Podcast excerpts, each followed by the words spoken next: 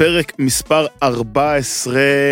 יש פחות משחקים ואנחנו יכולים לישון, אבל עדיין יש לנו אותה כמות של דברים להגיד, זה די מדהים.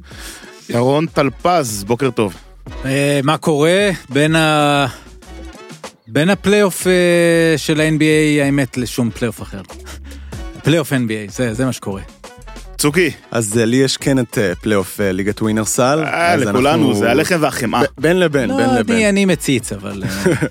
אה, אתה תגיע לשלב הבא, הבא, כאילו לשלב הזה, של כן, הגדולות. השלב ו- הזה, הארבע הגדולות, זה, זה תשמע, מדבר אליי. סידרו דברו לנו- אליי בכותרות. סידרו לנו חתיכת אה, חצי גמר בליגה המקומית. שמע, ארבע הגדולות, כמו שרצינו, כמו שפיללנו, אדם סילבר ושלומי פרי מבסוטים. כן. אה, אז אנחנו רק נחכה לכדורסל אדם טוב סילבר ומשובח. מבסוט שדנבר עלו ולא הלייקרס? לא. גולדן סטייט. לא, תשמע, ברגע שהאופציה הייתה לייקרס בוסטון והיא נפלה, הוא לא יכול להיות מבסוט. יהודים האלה, על מה הם חושבים כל הזמן? רק כסף. אדם אה, סילבר מבסוט. אדם סילבר מבסוט. אני אומר, הוא יודע שיש לו מוצר כל כך חזק, שהכל בסדר. הוא עכשיו בדיבורי חידוש כל זכויות שידור. השידור, וזה לא יוריד דולר אחד מה- ממה שהם הולכים לקבל. הוא ישן לדעתך? מה אדם ישן, בטח. כן, אדם סילבר בטח, ישן. ישן, ישן. בניגוד ל... לכולנו. כן, כן. ישן- סילבר. ישנו לילה שלם הלילה, אני לא יודע למה אתם אה, מתלוננים, הפועל ירושלים בני הרצליה נגמר באזור עשר וחצי, נגיד ראינו קצת ראיונות בסוף, והלכנו לישון, ישנו עד הבוקר. עם הרגשות אשמה של ג'יגיץ' עושה לי כל פעם שאני רואה אותו מתראיין, אי אפשר באמת ללכת לישון. אבל אתם יודעים שאדם אתה- אתה מחזיק סילבר- גביע כמעט. אתם יודעים שאדם סילבר, אני לא יודע לגבי שלומי פרי, אבל אדם סילבר הוא underpaid. השכר שלהם הוא לא דומה בין שלומי פרי ואדם סילבר. אנחנו לא יודעים, השכר של שלומי פרי להיות- לא- לא לא- לא חשוף, לא נכון, גלוי. יכול להיות ששלומי פרי underpaid, יכול להיות שלא. אדם סילבר הוא underpaid, עם עשרה מיליון דולר בשנה. underpaid, בצורה ברורה. האחרים של הבייסבול, ברוב מנפרד, 17 17 מיליון דולר, רוג'ר גודל, הולך לעשות חוזה חדש באזור ה-60 מיליון. מה זה NFL? NFL, כן, אז אה, זהו. הוא צריך אה, ללמוד מפיפא ולהתחיל לעשות טורנירים במדינות אה, קיקיוניות וככה לקבל יותר כסף. לא, ולסגור אני- דילים מהצד כזה. יהיה, יהיה מעניין עם אה, אדם, אני לא זוכר עד מתי החוזה שלו, אבל אה, כשהוא יגמור עכשיו את החידוש חוזה תקשורת, יהיה סופר מעניין לראות אם הוא ממשיך, ואז הוא לא יהיה underpaid, או הולך לאיזה משהו אחר שקשה לדמיין את זה. יפה, לתרומות לאדם סילבר אתם יכולים להתקשר לקו החם שלנו. אה, אה, אימא של אדם סילבר הבטיחה לו עוף לשבת. אה, הוא ביקש ממני אגב להתחיל? לא, להתחיל את הלובי של ה-underpaid, להתחיל אותו דווקא בישראל, כדי שיתחילו לדבר על זה שם. יהדות התפוצות, פתאום כן, כן, פתאום הם אנחנו- כן משתמשים בנו, פתאום כן אחים. צריכים אותנו. אנחנו אחים.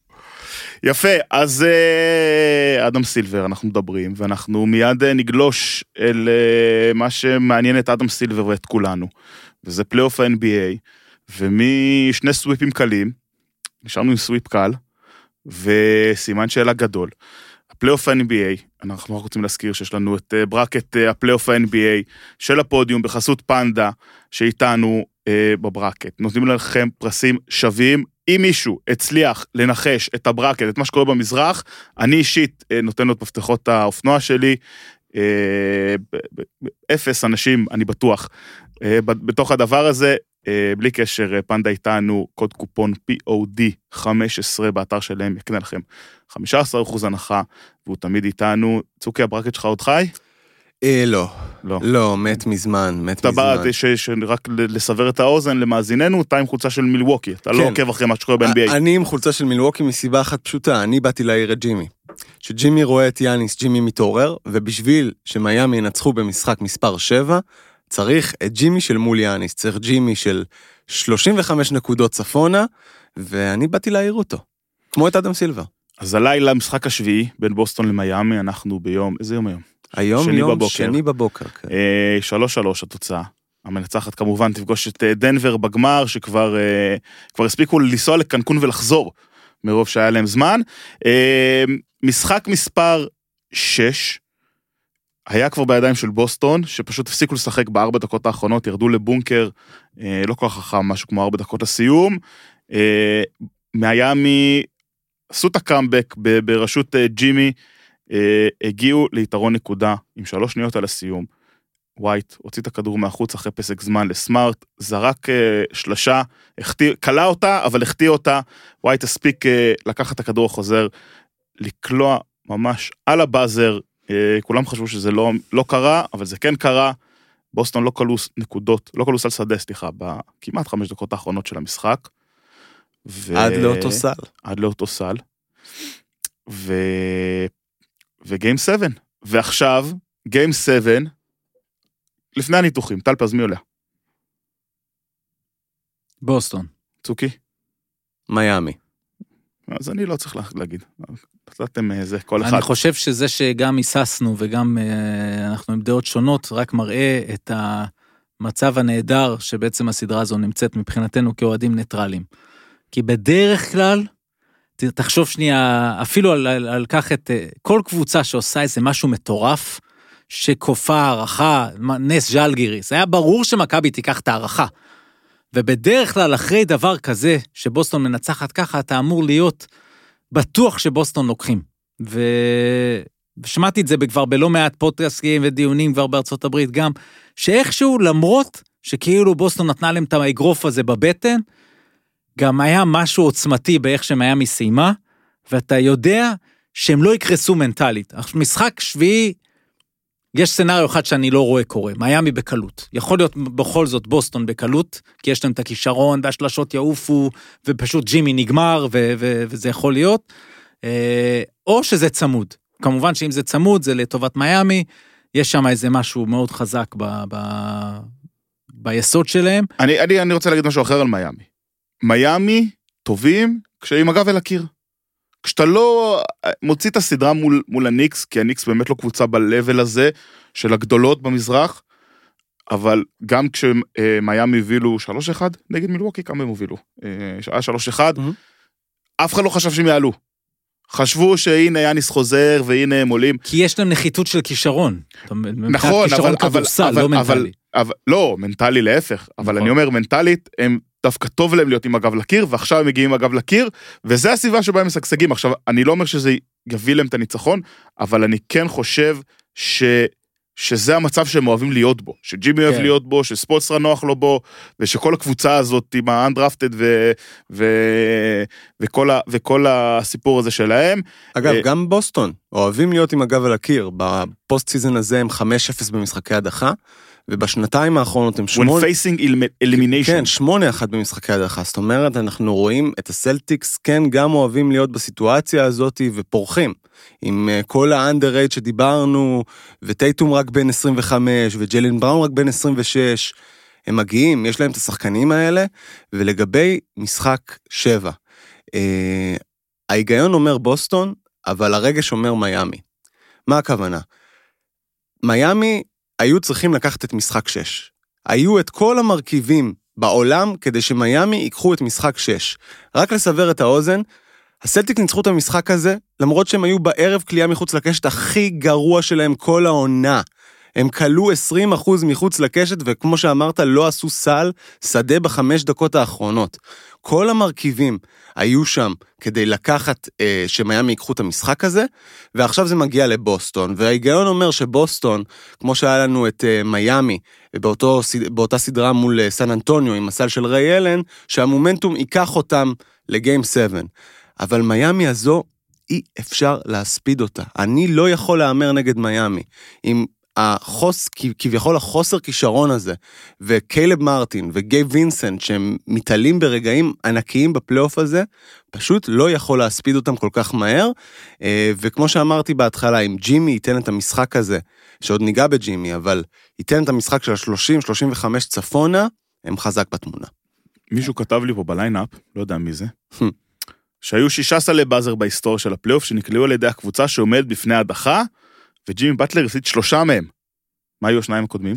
השניים הקודמים היה סדרה שהוא היה במדי שיקגו, אה, מול מילווקי, אה, בעשור הקודם קודם, עם דרק רוז, גם היו 3-0 וקיבלו סל על הבאזר אה, שעשה 3-1, והסל הקודם הוא אותו סל של קוואי שקופץ לו על הטבעת, Mm. וקופץ לו, וקופץ לו, ואז נכנס.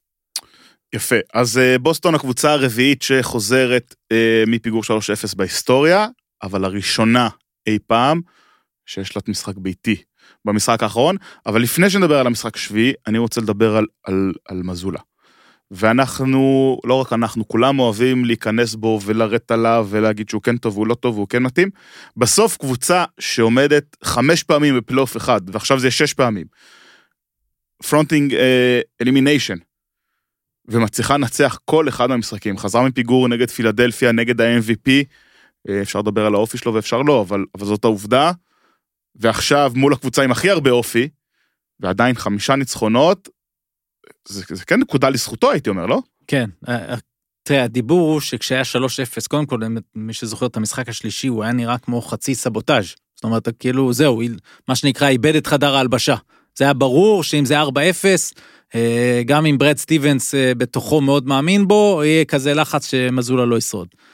והיה דיבור שהייתה שיחת קבוצה, ואחד העוזרים של ג'ו מזולה, מאט רנולדס, שקודם לתפקיד העוזר והיה איש וידאו, מישהו שכבר תשע שנים נדמה לי בארגון, לא מדבר אף פעם, אה, ביקש לדבר, ואמר איזה שני משפטים, וזה ישב עם כל השחקנים, והוא אמר משהו מאוד פשוט, אה, בואו לא נהרוס עונה של תשעה חודשים בגלל שבוע אחד גרוע. עכשיו, מבחינתי, אם אחד העוזרים של מזולה אמר משהו שתפס, זה קרדיט למזולה. זאת אומרת, משהו פה בכל זאת אה, קרה נכון.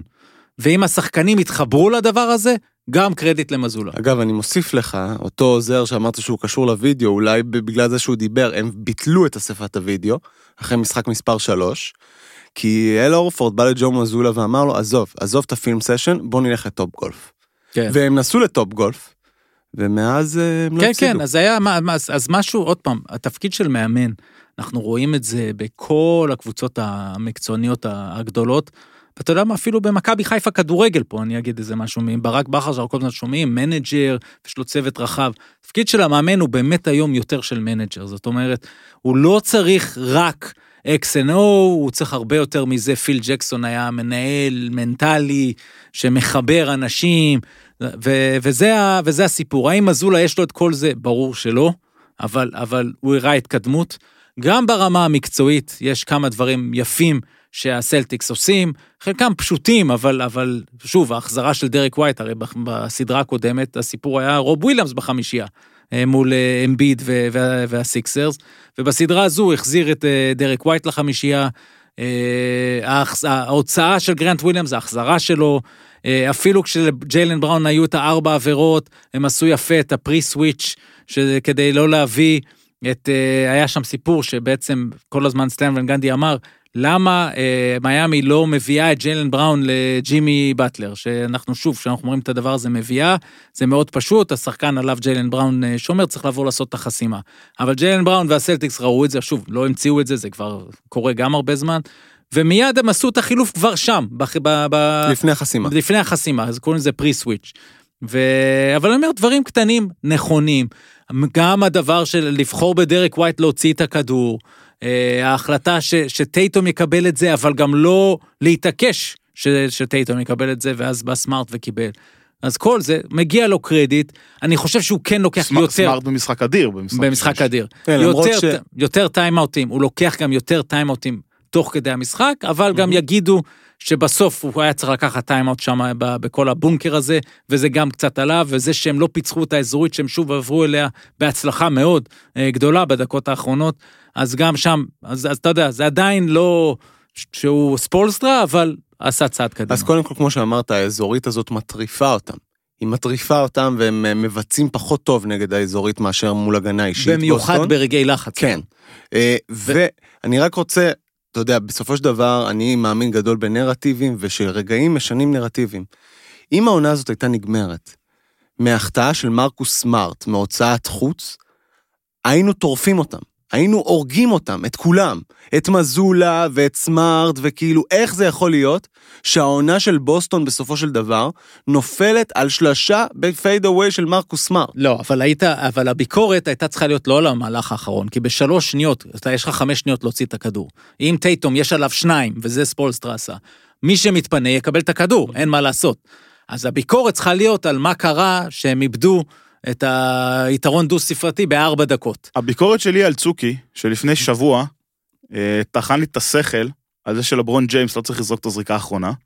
ועכשיו הוא אומר שאם מרקוס סמארט זרק את הזריקה האחרונה, אז אה, בושה וחרפה וביזיון. זה נכון, אתה יודע, הכל עניין של בסופו של דבר אחוזים, ומי הסופרסטאר שלך? נו, מי הסופרסטאר של הלייקרס? לברון ג'יימס, אבל לא משלוש. לברון ג'יימס לא כלה כל, הוא לא- כל הוא- הפלייאוף הוא משלוש. לא זרק שלושה במשחק האחרון. מה זה? הוא לא זרק שלושה במשחק האחרון. וטוב שכך. נו, ועדיין אתה... ועד- בקיצור, ועדיין אה, צוקי, רגע, תפסתי רגע, אותך, רגע, תפסתי שנייה, אותך, תפסתי מה קרה אותך. עם הכדור האחרון במשחק מספר 4 בין הלייקרס לדנבר? הלך ל- לברון, אהה, וכולם ידעו שהוא הולך ללברון. ולברון עשה את מה שהיה צריך לעשות, קיבל החלטה לא נכונה, רייס מקס. אבל זה לא משנה שהכדור האחרון היה צריך ללכת... אפשר לעשות מזה דיון מאוד ארוך. נכון. העניין עם לברון, זה שאתה רואה בכל התרגיל הזה, ודיברתם על זה גם שבוע שעבר, שמעתי את הפרק, אגב, עידו גור הצגה, אה, אה, ה- ה- שתי הקבוצות ידעו שהכדור האחרון הולך ללברון, וזה מה שחשוב, זה האסנס של כל הדבר הזה. עכשיו, האם הלייקרס הצליחו לייצר יתרון מזה שכולם היו בפאניקה מזה שלברון יקבל את הכדור? התשובה היא לא. כי כבר, לא משנה אם לברון היה צריך להוציא את הכדור לדייוויס, או שכבר בהוצאת חוץ של ריבס היה צריך לתת את הכדור לדייוויס שכבר היה חופשי באותו מקום, זה לא משנה את העובדה שכולם יודעים שהכדור הולך ללברון, וזה המהות של לברון, וזה המהות גם, זאת הסיבה שאתמול סמארט קיבל את הכדור. בגלל שכולם יודעים לאן הכדור הולך, וקבוצה חכמה זה קבוצה שיודעת לנתב אבל- את, ה, את הכדורים שלה למקומות הנכונים, בעקבות מה שכולם יודעים שיקרה. אוקיי, זאת אומרת, הקבוצה החכמה היא קבוצה שיודעת מה היא רוצה. זאת אומרת, מייק מלון, כנראה, לא רק שיודעת מה היא רוצה, היא, יודעת לאלתר. לא, אבל, אבל שנייה, מייקל מלון, כנראה כמונו, ידע שהכדור ילך ללברון, וכנראה שהוא היה בסדר עם זה. זאת אומרת, הוא אמר, אנחנו נביא את העזרה לברון, וזה יהיה בסדר. נכון? בניגוד לספולסטרה, שאמר, אני רוצה דאבל טים במניעת הכנסת הכדור לטייטום. כן. אני לא רוצה שטייטום יקבל את הכדור. כי טייטום מקבל את הכדור עם האורך הזה שלו, אנחנו יודעים שהוא עושה הקפצה אחת והחצי sidestep, לא, ולא- יכול, ו- יכול ועולה. להיות, אני לא בטוח שמה שאתה אומר שזה נכון. אני מה שחושב, מה שאני חושב זה שמייק מלון אולי ידע שהלייקרס לא מספיק גמישים, כי, כי, כי כבר בהוצאת חוץ היו שני שחקנים על לברון, ואנטוני דייוויס היה חופשי. עכשיו יכול להיות, אה, אה, אני לא הייתי משאיר את אנטוני דייוויס לזריקת buzzer beater לשלוש, כי ראינו שהוא כבר יודע לעשות את זה. נכון שהוא כבר, שהוא קולע פחות שלושות אנטוני דייוויס החדש, ממה שהיה אבל זו- ב-2020. אבל זו ההחלטה, וזה למה ה take שלי הגיע שבוע שעבר, לברון, בפלייאוף הזה, מנסה, ניסה לעשות את ה highlight, שיגמור משחק, ינצח משחק, ולכן הוא לא קיבל את ההחלטות הנכונות. לברון במשחק ה play-in, להזכירך, מסר לשרודר, שיקלע נכון. שלושה שתנצח את המשחק לפני שאנטוני דייוויס נכון. עשה את העבירה עם ה... איך הוא קרא לזה? brain freeze הוא אמר? כן. brain fart. brain fart, נכון. אה, אה, אז, אז, אז פה השאלה, ופה, בעניין של הלייקרס, כן קרדיט למייק מלון, אבל אם אוסטין ריבס היה עושה דבר, או אם לברון היה עושה את הדבר הנכון, אז לא היינו נותנים את הקרדיט ל, ל, נכון. ל, למייק מלון. אני רוצה לחזור אבל לזריקה, כן. ה tip-in הזה של כן. אה, דרק. ווייט, ואמרת קודם שהיו רק שישה סלים בהיסטוריה שהקבוצה עומדת בפני הדחה, אז היו רק שני סלים בהיסטוריה של הפלייאוף, שקבוצה עומדת בפני הדחה והייתה בפיגור לפני הסל buzzer. הראשון לעשות את זה לפני דרק ווייט, היה אחד קוראים אותו מייקל ג'ורדן, לא מכיר. מול קליבלנד ב-89, ואני רוצה לשדרג את, ה, את השאלה. איפה אפשר לדרג את חשיבות הזריקה הזאת בתולדות הפלייאוף? האם זה נמצא ליד הזריקה של ריי אלן, ליד זאת של קוואי, קיירי, ג'ורדן? כי אני מזכיר, יש פה סיטואציה שאם דרק ווייט לא מלטף את הכדור הזה, בוסטון בבית. אני חושב שהדבר הזה, דבר ראשון ייקבע לפי כמה רחוק בוסטון תגיע. כי אם הם יפסידו את המשחק השביעי, אז אין לזה שום חשיבות. כאילו, בסדר, אחלה סל ניצחון. גם פאפי תורג'מן קלע סל ניצחון על מכבי בשנת אה, 98-9, וצמצם את הסדרה מול מכבי תל אביב מ-2-0 ל-2-1. מי זוכר את זה? רק משוגעים זוכרים את זה. אז אחלה סל ואחלה highlight, הכל מאוד תלוי, זה, זה מאוד מזכיר את הדיון ש, שהיה לנו אחרי game 7 של גולדן סטייט ו- וסקרמנטו, על ה legacy של, אה, של, אה, של סטף קרי, שדפק משחק של 50 נקודות, לקח אותם לבד לשלב הבא, אבל מה זה שווה כשהוא, כשהם הפסידו בצורה כזאת, כל כך בקלות, בסיבוב השני. נכון, אז אה, אותו דבר גם פה. אם בוסטון תיקח גם את הסדרה הזו וגם את הגמר, אז הסל של דרק ווייט עולה מאוד מאוד גבוה. שמעתי במקרה את הפודקאסט של סימונס אה, עם רוסילו, דיברו על זה. אה, מבחינת אה, סימונס הוא אמר החטיפה של לארי ברד מול דיטרויט ב-87, game 5, ואז דנס ג'ונסון חותך והוא מוסר לו והם מנצחים. עדיין זה המהלך הראשי, מספר אחד, אבל יכול להיות שדרק ווייט, המהלך הזה הופך לשתיים בתולדות הסלטיקס, שזה מאוד יפה, אם זה עושה את זה. אבל שוב, אם, אם הם יפסידו הלילה, אז, אה, אז זה פחות. גם הסל של ריי אלן היה ב game 6, לא? כן, game הם six, אבל, ניצחו. אבל game six של גמר, ו, וגם של גמר שמציל אותם, זאת אומרת, אה, אוקיי, אותו דבר כמו בוסטון, רק פשוט אה, אות, אות, אותה סיטואציה בעצם, שלוש, שתיים, כן, פשוט פיגור. השאירו זמן על השעון לסן אבל- אנטוניו אבל- להגיב. אבל פה עדיין- אין. עדיין ריי אלן מעל, ו... ואתה יכול ללכת לעוד כמה... קוואי גולים. למשל, קוואי מעל, כי אנחנו יודעים שהוא לקח אליפות. זה נכון, אבל קוואי אגב, למשל הזריקה הזו הגיעה בשוויון, ולא כן. בפיגור. נכון. צריך אז, לזכור אה, את זה. נכון. אז רוב- אה, רוברט הורי? רוברט הורי מול סקרמנטו, בעיניי מעל. אה, אגב, אבל שוב, בגלל שהם לקחו אליפות. אתמול אגב, זאת אומרת, זה יהיה גם- הזה, לא? יש גם עוד אלמנט שעם כל הכבוד. רוברט הורי גם היה גמר מערב, לא? חצי גמר? אני לא זוכר אם זה היה גמר מערב או חצי גמר מערב, זה 2002. זאת אומרת, אם לוקחים אליפות, אז כן, זה יהיה ב-level שלהם. נכון, אבל יש משהו אחד גם שקצת מוריד טיפה. בזריקות ההם אנחנו מדברים על זריקות אה, יותר קשות. פה הגדולה של דרק ווייט זה שהוא היה שם, והמהירות, אבל ברגע שהוא שם, זה לאפ. אז אה, ראו כן, אותו, אבל זה- ראו את התנועה שהוא עשה ברגע שמרקוס סמארט לקח את הזריקה, ראי- הוא ראית, זה. מדהים, באמת בדיוק. תשמע, זה המון basketball IQ. נכון. יש אנשים שפשוט היו חכם. מוציאים את הכדור חוץ הזה, וקופאים במקום ומחכים לראות לאן הזריקה של סמארט הולכת. הוא השכיל גם להוציא את הכדור, להסתכל על הזריקה ולרוץ לכיוון הטבעת, כי הוא שם לב שאף אחד לא שומר עליו. תקשיב, יש גם סיפורים מאוד יפים עליו ועל אבא שלו, והוא עבר, הוא התחיל בקולג' קטן. הוא היה שחקן שלא קיבל scholarship בכלל. זאת אומרת, זה מישהו שעבר אה, הרבה קשיים, אף פעם לא נחשב למשהו, אה, לכוכב, או למישהו שיהיה כוכב. וגם כשהגיע מסן אנטוניו לבוסטון, ראינו מיד שהוא מאוד עוזר לסלטיקס, אבל uh, הרבה אנשים לא ראו את הספיירס בכלל, ולא הכירו אותו, ומי זה בכלל, והתסרוקת המ- המוזרה הזאת. ותשמע, זה רגע גדול, ו- ואני שמח כאילו שסיפור שלו עובר, זה עוד, עוד מישהו, קצת דומה לאנדרפטד האלה של מיאמי, כאילו, אז, אז הוא כן היה דרפטד, אבל אה, אה, זה יפה לראות. והוא נראה לי מסמל, אם בסופו של דבר הסדרה הזאת תיגמר בגיים 7, זה כנראה יוכתר ללא ספק הקאמבק הגדול, או כצ'וק הכי גדול בהיסטוריה של ה-NBA. מה זהו, בעיניי לא צ'וק. למה לא? כי, כי פשוט נגמרו. אני, אני גם אומר את זה עוד פעם, אני אמרתי את זה גם בשידור עם, עם גיל. רק וזה. מזכיר, המאזן של סדרות שהתחילו ב-3-0 הוא 150-0 בהיסטוריה מצוין, של הליגה. בעיניי זה היה מלא, אה, כל הזמן חיכיתי שזה יקרה. אני אף, חשבתי הרבה יותר פעמים שיש סיכוי שקבוצה תחזור מ-3-0, במיוחד קבוצה בסיטואציה הזו, שהיא הקבוצה היותר טובה, המדורגל יותר גבוה, עם יתרון הביתיות. זאת אומרת, כשאתה, כשאתה מפרק את זה, 3-0, בניגוד לטניס למשל, בטניס, כשאיזשהו שחקן מוביל, נגיד, אה, שתי מערכות כן. ו-5-0 במערכה השלישית ורחוק משחקון אחד, זה רק משחקון. הוא צריך לקחת ארבע נקודות וזהו. פה אתה עדיין צריך לנצח משחק שלם קבוצה שהיא יותר טובה ממך.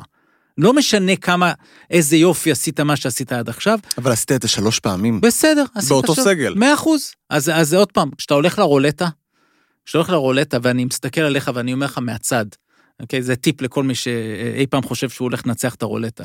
ואתה אומר, אני חמש פעמים אעשה עם אדום. בטוח אחד מהם יהיה אדום, נכון? אז התשובה היא לא. כל פעם זה מחדש, נכון? כל פעם הסיכויים שלך הם 48 אחוז או 49 אחוז, כי יש את השני ירוקים האלה. אז, אז אפילו בוא נעשה פשט את זה, זה 50-50, או אדום או השחור. כל פעם מחדש. אז נכון, כשאתה מסתכל מלמעלה, היי uh, לבל קוראים לזה, אז כן, ברור שהגיוני שבחמש פעמים שתעשה רולטה, יהיה לך פעמיים או שלוש, יצא לך אדום, זה מה שאמור לצאת. אז זה הגיוני כשאתה מסתכל מלמעלה על סדרה של 3-0, שהקבוצה של ה-3-0 תעשה את האחד הזה. ובאמת 150 פעמים זה קרה, אבל בהוקי זה קרה ארבע פעמים נכון. כבר שחזרו, ובבייסבול זה קרה, והגיע הזמן שזה יקרה בכדורסל, ושוב, בטח בסיטואציה כזו שהקבוצה יודעת, רגע, אנחנו לוקחים אחד בחוץ עכשיו, כשהם קצת ישנים חגגו יותר מדי, שלוש אחד, אנחנו באים הביתה, שלוש שתיים, פתאום כל הלחץ עכשיו עליהם. בוא נגנוב אחד בשלוש שתיים, ואנחנו בשלוש שלוש, והנה. אז כשאני מספר לך את זה ככה, זה דבר אחד. דבר שני, נהיה, פעם הייתי, הייתי אומר לך שזה משהו ישראלי, שקצת מחפש את הרע. גיל, אני, אני ירדתי אליו כי הוא צייץ, מה יהיה מביך יותר? הוא צייץ את זה ביום של המשחק. אה, מה יהיה מביך יותר, יש מיאמי ממקום שמיני מדיחה את הראשונה, אה, או שבוסטון חוזרת מ-3-0, וכאילו וזה, ואני אמרתי לו, לא, לפעמים זה לא מביך, לפעמים יש לך שני מתאגרפים שהם מדהימים, ובאחד צריך לנצח. ו- ופה, איפה זה היה מביך? אם מיאמי עושה את ה-4-0, אז, אז, אז כן, אז אז, עם. כל מה שבוסטון עשתה, עם כל הכבוד לכל מה שהיא עשתה, לצאת ככה אחרי ההשפלה הזאת בגיים שלוש, ואז לחטוף גם את המשחק הרביעי, אז יש בזה מהמבוכה ובין- ומהאיזשהו צ'וק. אבל ברגע כבר שבוסטון חזרה ל-3-2, מבחינתי גם אם בוסטון מפסידה את האחרון, אוקיי, אז היינו מסתכלים והיינו אומרים, היה שם צ'וק ג'וב בדקות האחרונות, אבל בהוליסטי, בכללי, אה, עשתה עונה מצוינת, והמאמן יכול להיות שילך, כי משהו חסר. אבל עכשיו, אני חושב שכבר זהו, אנחנו באמת עם שני מתאגרפים, מה, על ג'ימי באטלר, אתה יודע, גם, שוב, היה הרי משחק שבאטלר לא הופיע. כאילו, והוא אפילו לא רצה לקלוע, שבחיים לא ראיתי דבר כזה. והתחלנו להגיד בשידור מה, מה, מה הוא מבוהל, וכן, היה נראה שהוא מבוהל. אגב, מה אמרתם עליו ברבע הרביעי לפני, כאילו, אתה יודע, היה לו את ה... הוא עשה את ה-10 נקודות ואת ה-13 מתוך 15 נכון, האחרונות. אז אמרנו, אבל גם לפני זה, ואני חושב שגם במהלך של זה, הוא לא, לא יודע, ג'ימי נראה משהו כבוי. קשה לו, כן, או שהוא גם עייף, עייף? גם עייף, גם יש כל הזמן שומרים טובים עליו, כל הזמן. יש, זה, זה הגדולה של בוסטון עוד מהעונה שעברה. הם שבעה שומרים. אפילו שמונה אם אתה הולך ברוטציה יותר אה, גדולה, עכשיו עם ברוקדון, אוקיי, אז ברוקדון הכי פחות. אה, אז כל הזמן, אפילו בחילופים, יש עליו שומר טוב. סמארט זה לא שומר טוב, דרק ווייט, חמישייה שנייה של אה, בהגנה השנה. ברור בראון, ברור טייטום עם האורך שלו. כשאורפורד מחליף, זה אורפורד. אז, אז כל הזמן, אז אני חושב שזה שילוב של עייפות, שילוב של זה, ושילוב של זה שגם ג'ימי, משהו הגיע אליו, מנטלית. ו, והנה אמרנו את זה, אולי זה הרגע הזה של ה timeout שהוא סימן הרגע, אולי, במשחק שלוש? אולי הקרמה חזרה אליו גם קצת, נכון? ו, ואז הוא חזר עם העונשינים, וכל, הכ- ועוד פעם, הוא מדהים, ובאמת עשה את זה, ובעצם לכן מה אני מנסה להגיד? שלפעמים יש לך שני מתחרים עצומים, ואחד צריך לנצח. זהו זה, שם אנחנו נמצאים לדעתי. כן, אבל אנחנו דיברנו על ג'ימי, אתה יודע, עוד פעם לוקח אתכם לנרטיב. דיברנו על פלייאוף של מייקל ג'ורדן, על מי עשה דבר כזה, על וואו, איזה פלייאוף אדיר, אבל אנחנו מגיעים למצב שכל זה, כמו שאמרתם, לא נחשב, ואף אחד לא יספור את אז זה. הוא לא. אם הוא הראשון בסופו של דבר שבפלייאוף הזה מודח ביתרון 3-0, זה מה שיזכרו לו. נכון, וגם הזכרו לו שאין לו אליפות. ועם כל הקריירה שלו, הוא, הוא בדרך להיכל התהילה, אבל אם לא תהיה לו אליפות, אז זה לא יהיה מה שנקרא first ballot, uh, hall of fame, sure thing כזה. לא. ו, ו, ותראה, כל היופי שכשהוא התחיל את הפלייאוף, שהוא פלייאוף מייקל ג'ורדני, זה פלייאוף מייקל ג'ורדני אם בסוף יש לך אליפות. אתה בכיוון, אתה בדרך. גם, גם אני, אני הרבה פעמים אוהב את האלגוריות של הריצה. אה, אני יכול, פוטנציאלית, לרוץ, האמת שאני לא יכול, אבל נגיד הייתי יכול קילומטר אחד עם קיפצ'וגה. כאילו, ואני לא יכול, אוקיי? כי הוא עושה את זה בשתיים, כשהוא רץ מרתון הוא עושה את זה בשתיים חמישים ושלוש, אוקיי? אני לא עושה את זה. אני. באופנוע לא עושה שתיים, כן, חמש, שלוש קילומטר. אבל, אבל נניח הייתי יכול, אז מה? אז עכשיו אתה אחרי קילומטר אחד, אתה יכול... עכשיו, אתה יודע, תחשוב איזה יופי, במרתון זה מצולם. תאר לך, אני בקילומטר ראשון, אני פשוט מחליט שאני... ואני מצליח להיצמד אליו. אז בכל העולם, אני, אני בפריים. אומרים, בואנה, תראו אותו. הוא, הוא- זה, זה הישראלי הזה, הוא רץ את זה. זה אגב כמו- דבר שאתה רואה הרבה בתחרויות נכון, ריצה זה. ואופניים. כן, כן, זה מה שעשינו. בג'ירו די איטליה שהתארח בארץ, היה לא. איזה מרוץ של גיא ניב לדעתי הוביל שלושת נכון. רבעי מרוץ, גם. באולימפיאדה האחרונה היה, אני לא זוכר את שמו של הרוכב אופניים, אבל באמת טס קדימה. טס קדימה. או רוכב, אני לא זוכר. כן. אבל היה איזה עניין, אני זוכר שכולם התיישבו, איתן דולפן שהוא גם איש וגם. אגדה, אה, אה, אה, צייץ על זה והתיישבנו כולנו לראות, ואתה רואה, כן, לאט לאט, סוגרים. איך קוראים? הפלטון. הפלטון סוגר, ו... אז זהו, אז לפעמים אתה, עכשיו, עכשיו, אם אתה ג'ימי, בניגוד ל- לסיטואציה שתיארנו פה, מישהו שרץ קדימה ורוצה קצת מסך וקצת זה, פה ג'ימי בא, הוא יודע שבכל שלב של הפלייאוף הזה הם צריכים full time, הם צריכים אותו כל הכוח. ו- והוא הביא את זה, והוא הצליח להביא את זה שתי סדרות וחצי. ועכשיו אם הוא נגמר, אז הוא נגמר, בגלל זה הוא עדיין אין לו, עדיין משהו בקליעה שלו, בטח הרחוקה, מטווח רחוק, הוא פחות טבעי, פחות קל לו. זה גם לא ולכן- נראה טוב. ולכן הוא צריך כל כך לתת הכל בשביל כל הנקודות ולעבוד כל כך קשה. ואז הנה, שמע, הוא, הוא שזה- אמר במסיבת עיתונאים בסוף המשחק שאם הוא היה משחק יותר טוב הם לא היו מגיעים לפוזיציה הזו בכלל נכון, נכון. של הסל ניצחון ובאמת צריך להגיד שהוא עשה 5 מ-21 שזה 23.8% מהשדה. אה, 12 מתוך 24 הנקודות שלו הגיעו מהקו. אבל- הוא, אבל- הוא צריך אבל- להיות שם יותר. אבל זה הטריק שלו, ב- זה ש- הקטע שלו. לא, אבל בטח שאין במה דה ביו. אבל, אבל זה מה שהוא עושה, הוא מגיע לקו, וזה מה שהוא עשה בדקות האחרונות, זה כן בדקות האחרונות הוא התעורר, בדקות האחרונות הוא הבין שזה עליו, אבל- ובדקות האחרונות הוא הביא אותם לשם. אבל אני- הקלות שבו הוא עשה את הדברים לפני כן, זאת אומרת, כל החדירות לצבע, כל המיד ריינג, שפשוט לא הולך לו מאז משחק בסוף, שלוש. בסוף בכדורסל, אה, זה משחק פשוט. אה, ו, והוא... אני שם את הכישרון בצד, בסדר? כי זה NBA וכולם מוכשרים ב-NBA. גם אלה שלא נבחרו בדראפט, אם הם שם זה בגלל שהם טובים והם מוכשרים. זה מאוד מאוד מאוד מנטלי. מאוד מנטלי, זה האם בא לך לשמור, האם בא לך לזוז בהגנה או לא בא לך לזוז בהגנה. אה, והאם אתה ב mind, ב set of mind בהתקפה שאתה באת לרצוח, או שלא באת לרצוח. ובסוף, מיאמי בשלושת המשחקים הראשונים היו ב set of mind הנכון, בהתקפה ובהגנה. ובשלושת המשחקים האחרונים זה היה בוסטון. ובסוף, זה, זה הרי כל הסדרה הזאת נופלת, עזוב שכל הסדרה הזאת קמה ונופלת על ה- על ה-0.2 שניות של, אה, של ווייט. כל הסדרה הזאת נופלת על איזה שתי שלשות במשחק מספר 5, כן נכנסות, או לא משנה, אני, אני סתם נותן איזה. אבל, אבל ברור, וה set of mind, ואתה מתעייף, וג'ימי עייף, והוא משחק לבד, אני מזכיר לכם, אין לו כמו לטייטום שיש לו את, אה, את אה, בראון, ויש לו אה, ברוקדון כשיש לו אותו, ויש לו אפילו לא, אל הורפורד. סמארט היה מצוין. ו- לא, אבל תשמע, אז- למשל קיילב מרטין וגייב וינסנט שהיה חסר במשחק חמש, הם בסדרה הזאת מ deliver ים פעם אחר פעם. נכון, אבל אתמול קאי לאורי, לצורך העניין, היה זוועה. קודם כל, כל הסדרה הזו קיילה.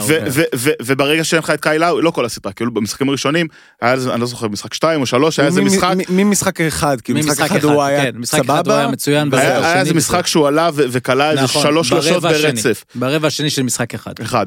אז, אז, אז בסוף כשאתה לבד, זה מאוד מאוד קשה. וכולנו יודעים עכשיו, גילינו, בשבוע שעבר, שגם אה, מייקל ג'ורדן היה חתול רחוב לפני שסקוטי ביפן הגיע. הסינק המגוחך בכל הזמנים. כן, עזבו את. זה, עזבו את זה. זה קצת אה, לא נעים פשוט, הסיטואציה עם סקוטי. אה, מי שלא יודע, סקוטי התראיין ואמר שמייקל ג'ורדן אה, היה כלומניק לפני שהוא הצטרף, פחות או יותר. אה, הוא לא היה שחקן טוב. כן, לפני הוא, שהוא הוא רק. חיפש לעשות נקודות ורק חיפש לעשות איילט. בסדר, אתה יודע, הבן של מייקל יוצא עם גרושתו של סקוטי, אז יש שם הרבה בד בד כן, כן, בלד. הרבה בד בלאד. מצד שני, מי יודע מי סקוטי פיפן אה, אילולא מייקל ג'ורדן. אה, הצמד הטוב בליגה? בראון לטייטום? כרגע פחות נראה. אה, אתה יודע, יוקיץ' וג'מאל מרי צמד אה, יותר טוב אולי, כן, לא? אבל לפני שבוע שלחנו כבר את אה, בראון ליוסטון כן, וזה, כן. ואמרנו מה-. מה אפשר להביא בתמורה כדי שיחזק את טייטום, והם פשוט מוכיחים שבגיל שלהם, לא, לא צריך לפרק אותם, חבר'ה, הם מגיעים... לא, תראה, הרבה פעמים בשחקנים רוצים לעזוב אחד את השני, ו- אגב, וזה- וזה היה נדמה שזה קורה כאן, וכנראה שלא. היה שם רגע בחדר הלבשה שהם הוציאו בסוף המשחק, שהם הם ממש, כאילו, טייטום לוקח את בראון, והם ראש בראש, כאילו, חיבוק אהבה. כן, כן. של, וצריך להגיד, ג'לן בראון עם 26 נקודות, שזה המשחק קליעה הכי טוב שלו, כל הוא היה מאז מצוין הסיבוב. הראשון מול כן. אטלנטה, מדהים, שזה זה מטורף. מדהים, מדהים. משהו נפתח אצלו במשחק הקודם, שהוא שם כן. את השלוש מחמש מהשלוש סוף סוף. ריבאונד התקפה גדול כן. באותם חמש דקות שהבוסטון לא היו יכולים לעשות סל, ששלח אותו לקו, אה, ונראה שיהיה מאוד, זאת אומרת, אם הגמר הכביכול היותר סקסי ומרגש זה מיאמי דנבר, הגמר של הכדורסל הבאמת יותר טוב זה בוסטון דנבר ללא ספק. נכון. שני צמדים אדירים שבאמת אה, יצטרכו לא, להוכיח וגם הרבה. אה, שניים שאתה רואה, תחשוב שנייה, בסדרה מול מיאמי, מי יכול לשמור על יוקיץ'? רק באמה דה ביו במיאמי. ובבוסטון יש לך גם את הורפורד וגם את רוב... אה, התשובה היא, התשובה היא אף אחד לא פה ולא פה. אה, לשמור על יוקיץ', אף בסדר. אחד לא יכול לשמור את יוקיץ', זה לא שאלה, והיה לנו את הדיון הזה. אנטוני דייוויס יכול לשמור על יוקיץ'. שמר. עליו נהדר. יו- אה, אה, אנטוני דייוויס אה, נהנה לו בקנקון, בסדר. אה, בזמן שכולנו שומרים על, אה, על אה, יוקיץ'. אה, את מי דנבר מעדיפה? חד משמעית, את מיאמי.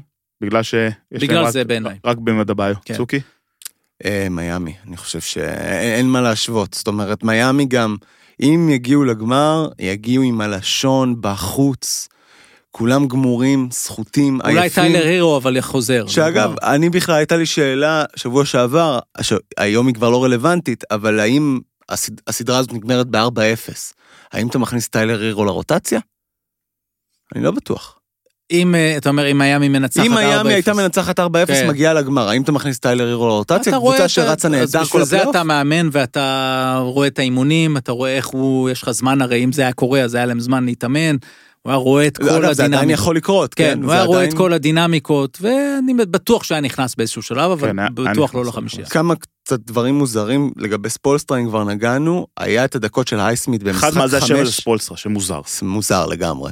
היה את הדקות של הייסמית במשחק חמש, שהיה בסדר גמור. לא ראינו ממנו בכלל במשחק שש. קווין להב, ככל שהפלייאוף הזה אה, מתארך, אז הדקות שלו מתקצרות עד לא קיימות בכלל. אה, ורגע לפני שאנחנו עוברים הלאה, אני חייב חוב קטן, כי זה באמת, אנחנו בדרך למשחק היסטרי והיסטורי, אז ארבעת הקבוצות, בעצם זו הפעם הרביעית שקבוצה אה, חוזרת מפיגור 3-0, הפעם הראשונה הייתה הניקס נגד רוצ'סטר רויאלס בגמר של 1951, הפעם השנייה זה נגטס, דנבר נגטס שעשו את זה ליוטה ג'אז בסיבוב השני ב-1994, והפעם האחרונה פורטלנד לדאלאס בסיבוב הראשון ב-2003. כל הקבוצות האלה הפסידו את משחק 7 בחוץ, ויש מצב שאנחנו בדרך להיסטוריה. יפה, אז אה, דנבר מגיעה אחרי תשעה ימים, יש לזה משמעות, לא משמעות, טוב, לא טוב, יותר מדי, too much. זה משהו שתולדות הגמרים אה, ב-NBA מלאים בסיפור של החלודה מול העייפות. אז אה, זה בדיוק העניין, היא תבוא עם חלודה, הקבוצה השנייה תבוא בקצב, אבל עייפה, אה, ובתולדות הגמרים היו מלא פעמים שזו ניצחה, והיו מלא פעמים שהשנייה. אז אין, אין יותר מדי מה, מה להוסיף על זה, הם אה, צריכים לעבוד קשה, והמשחק הראשון, לא בטוח שיהיה אצלם בבית, כי אם בוסטון מנצחת אז הם בוסטון. נוסעים לבוסטון.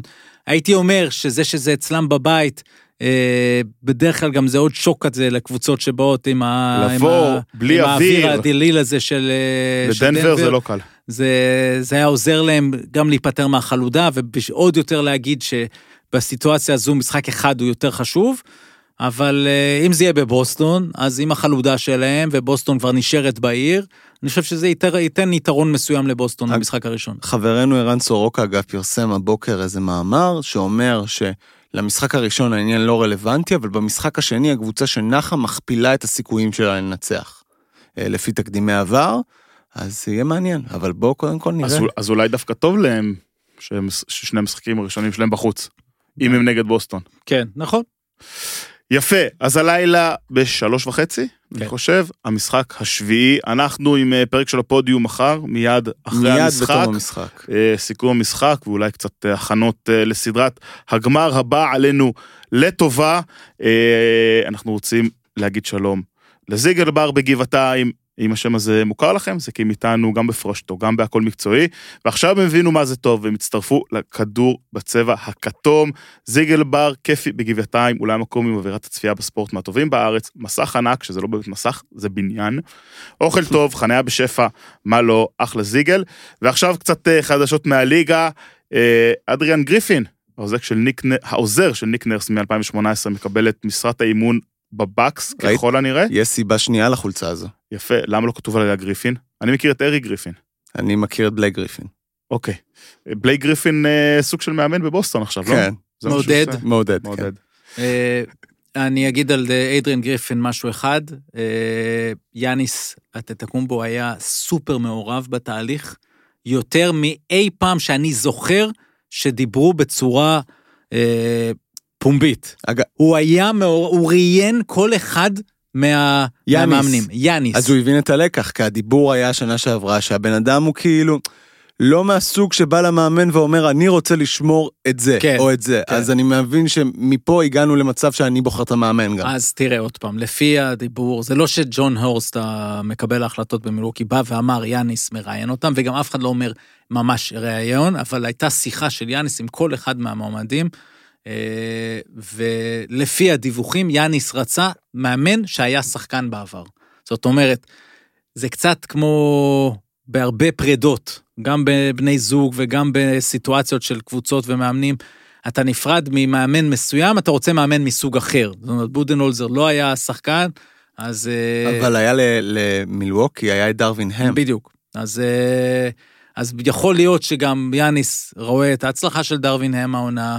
אה, אתה, אנחנו כולנו זוכרים את ה, כמה אהבו את טאי לוק, שהוא היה עוזר של בלאט, ודיברו על זה. בפעם הקודמת. שהיה לו מאמן שהיה שחקן, זה לא עבד כל כך. נכון, אז הנה, הוא ג'ייסון רצה. קיד. תראה, אגב, יאניס מסתכל על זה כמשהו שעבד מצוין. זאת אומרת, כי, כי את יאניס זה קידם זה טוב. שינה אותו, כן. זה שינה אותו, ג'ייסון קיד נתן לו להיות האחד, זה, זה מדובר אה, לא מעט בספר שיצא על יאניס.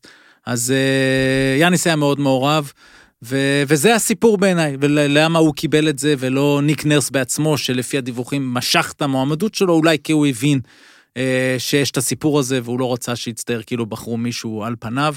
אז אה, זהו, אז איידריאן גריפין, גריפין, תשמעו, הוא כבר כמה שנים טובות בסיסטם הזה של עוזר מאמן, הוא היה שחקן, יש לו בן בליגה עכשיו אה, שמשחק באטלנטה, שעשה שני סלי ניצחון העונה הזו, והוא נחשב מומחה הגנתי.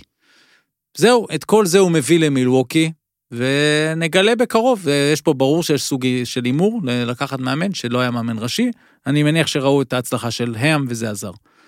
שהיה, שוב, חלק מהמערכת של מילווקי, גם בשנת אליפות שלה, ויאניס מאוד מאוד אהב אותו.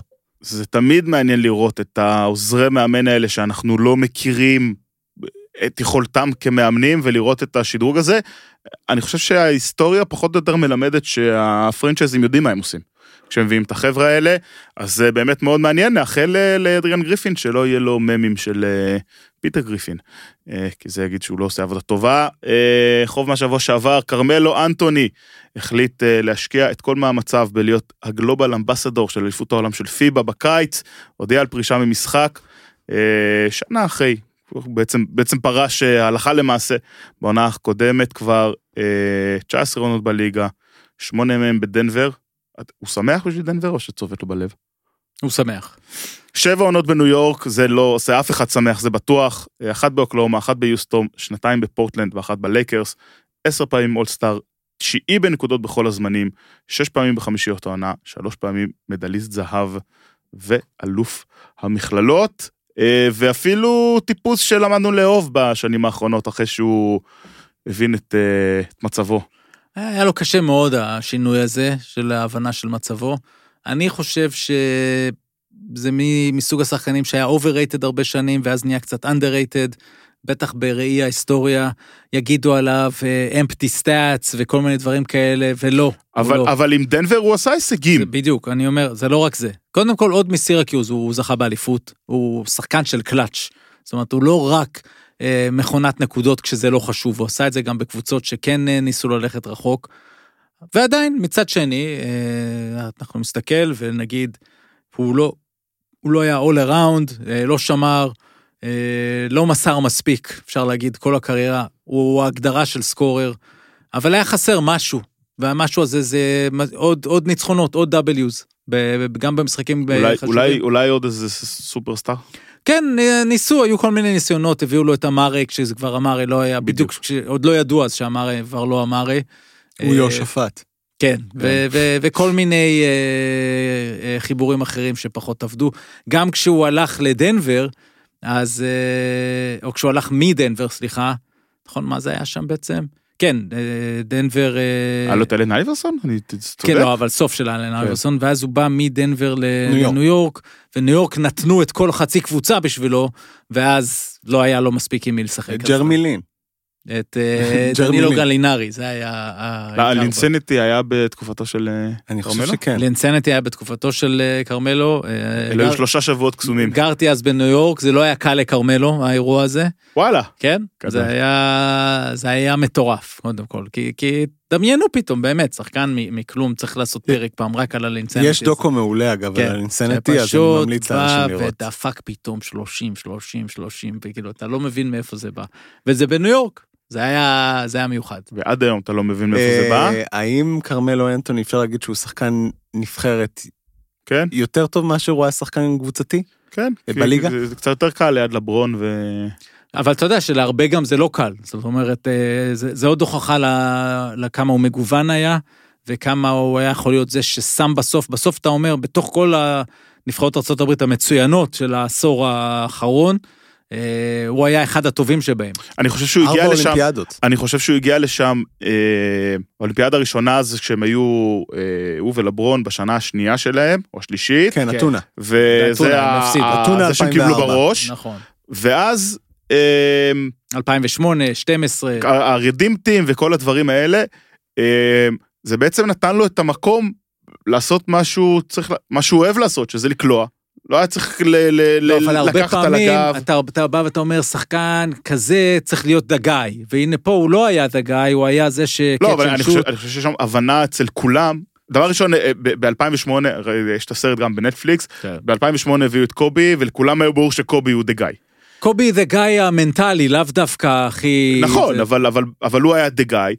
אה, והם הרי חברים נורא טובים שם כן. כולם, כל החבר'ה של ה... ו- כן, אה, כולם עדיין אה, ווייד ו- העריצו ו- את קובי.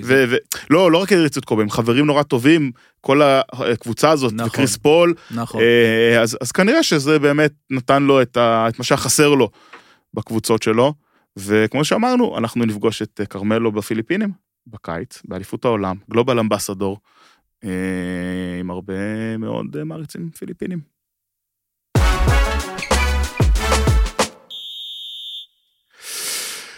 פלייאוף גם אה, בישראל, ונתנו כמה מילים עוד לפני אה, שהתחלנו לדבר על NBA. בעיניי, סדרות חצי הגמר הטובות ביותר שהיו פה מאז 1993. לא נולדתי. ב-1993, בוא אני אספר לך מה היה. תספר לי. ארבע קבוצות, שאגב, שלוש מהן אה, גם ישחקו בחצי גמר הפלייאוף הזה. מכבי תל אביב, הפועל תל אביב, הפועל ירושלים, והפועל גליל עליון, שהיו רחוקים רק שלושה ניצחונות אה, מלהיות גם הם פה. אה, שתי סדרות חצי גמר שהגיעו לחמישה משחקים, גליל עליון מדיחה את מכבי תל אביב בחצי הגמר, הפועל תל אביב מדיחה את הפועל ירושלים בחצי הגמר, הפועל אה, גליל עליון זוכה באליפות עם אז דורון שפר. תן לי להרגיע אותך, הסדרות האלה לא לא יגיעו לחמישה לחמישה משחקים. אז, אז ותודה תודה לכל מי שקיבל את ההחלטה הנהדרת הזו. כל שנה נגיד את זה שוב, וכל שנה נגיד את זה שוב, רגע, וכל רגע, שנה בוא- נגיד בוא- את זה בוא- שוב, בואו, בואו, ובא לי ל- לא יודע מה לתלוש. בואו בואו נסבר, בואו בואו נסביר למה זה קורה. בעצם בשנת 2006, אה, שם נולדתי. שם נולדת פחות או יותר, כן. אה, התקבלה החלטה במשרדי אה, מנהלת אה, ליגת אה, ווינרסל, לא יודע איך קראו לה אז, אה, לעבור לפיינל פור, במקום סדרות, עד אז היה נהוג אה, סדרות חצאי גמר וגמר של טוב מחמישה משחקים, החליטו לעבור לפיינל פור בגלל אה, שלל אה, היבטים שרובם לא קשורים לספורט אלא קשורים לכסף, ככה יהיה יותר קל, צריך להזכיר, משנת 93 שמכבי תל אביב איבדה את האליפות, עד שנת 2008 מכבי תל אביב לא איבדה אליפות, אה, וזאת הייתה הדרך. צורה, אני מעולם לא הייתי חובב גדול של הפיינל פור מבחינה ספורטיבית, אבל זו שיטה שהוכיחה את עצמה. הפורמט עבד. הפורמט עבד. אה, באיזשהו שלב הליגה הגיעה ל- לאיזושהי הבנה, עכשיו צריך להבין שהליגה זה, זה הקבוצות, בסדר? זה לא אף אחד אחר, זה לא העסק... זאת אומרת, אולי אפשר לקרוא להם עסקנים, כי יושב ראש, יושבי ראש הקבוצות אולי הם עסקנים, אבל, אבל זה הקבוצות. זה לא אנשים שלא קשורים לענף ולא אנשים שיושבים מבחוץ ומסתכלים, אה, וכל החלטה שמתקבלת צריכה להתקבל אה, לפי רוב, זאת אומרת, אה, זה לא שמכבי תל אביב יכולה לקבוע, הפועל ירושלים יכולה לקבוע, או מכבי תל אביב והפועל ירושלים והפועל תל אביב יכולות לקבוע, אם אין להם את הרוב, אין להם את הרוב, ובעצם סדרות הטוב משלוש שאנחנו רואים בחצי הגמר ובגמר, זה איזושהי התפתחות של הפיינל פור, ו... זה כאילו פשרה. זה כאילו פשרה, אני חושב שלכולם ברור היום ש... שאם היו פה שתי סדרות של הטוב מחמש, אני הייתי עושה את זה סדרות הטוב משבע. לא, אז אני אגיד לך מרוב רגע. שזה טוב. קצת, אתה יודע, עוד פעם, ואני לא, והרבה פעמים בדיונים האלה אנחנו לא שם, ולפעמים אנחנו, קל לנו לרדת על, אה, נקרא להם העסקנים, שאנחנו לא יודעים את כל המגוון הסיבות וה, והאינטרסים, אבל בכל זאת, מה שקורה בליגה הזו זה שאין לה את הקומישיונר הזה. זאת אומרת, יש מנכ"ל, יש יושב ראש, אבל אין להם אה, כוח החלטה. ההחלטה היא פשוט רוב, רוב פשוט, אוקיי? לפעמים דמוקרטיה, סליחה, היא לא כל כך טובה. כי אם יש לך שבע מול חמש, או שמונה קטנות מול ארבע גדולות, אז תמיד שמונה הקטנות ינצחו.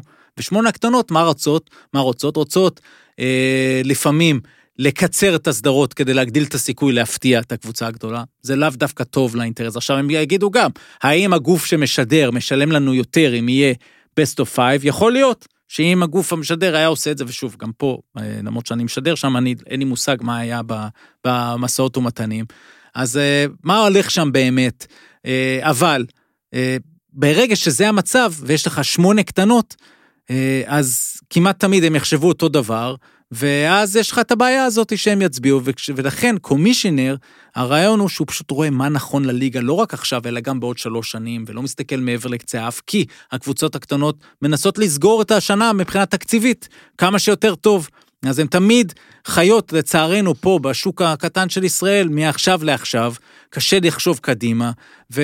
ועכשיו אני רק רוצה להגיד דבר אחד, אבל- אם, אבל אם רגע, זה רגע, רגע. נכון, על מה שאתה אומר עכשיו, אני יכול להגיד אותו דבר על NBA, למה בעצם אה, נותנים, למה יש תקרת שכר, ולמה נותנים את הדראפט לזה, למה הלייקרס לא יכולים להחתים עכשיו איזה שחקן שהם אבל רוצים. אני לא על- מבין מאיפה אתה בא. אז אני עונה לך עכשיו, אני אענה לך על השאלה שלך. אני, אני אומר, אני אענה ה- ה- לשאלה. ה- ה- העניין- הוא ש- לייצר איזושהי רגע, רגע, שוויוניות. חשבת שאני בא כאילו מהצד של הגדולות, ממש לא.